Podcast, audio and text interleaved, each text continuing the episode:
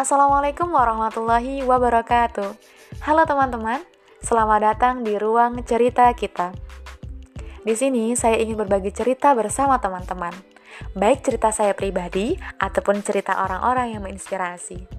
Semoga dari cerita yang saya bagi, ini bisa menambah semangat teman-teman dalam melakukan kebermanfaatan dan juga melakukan perubahan-perubahan.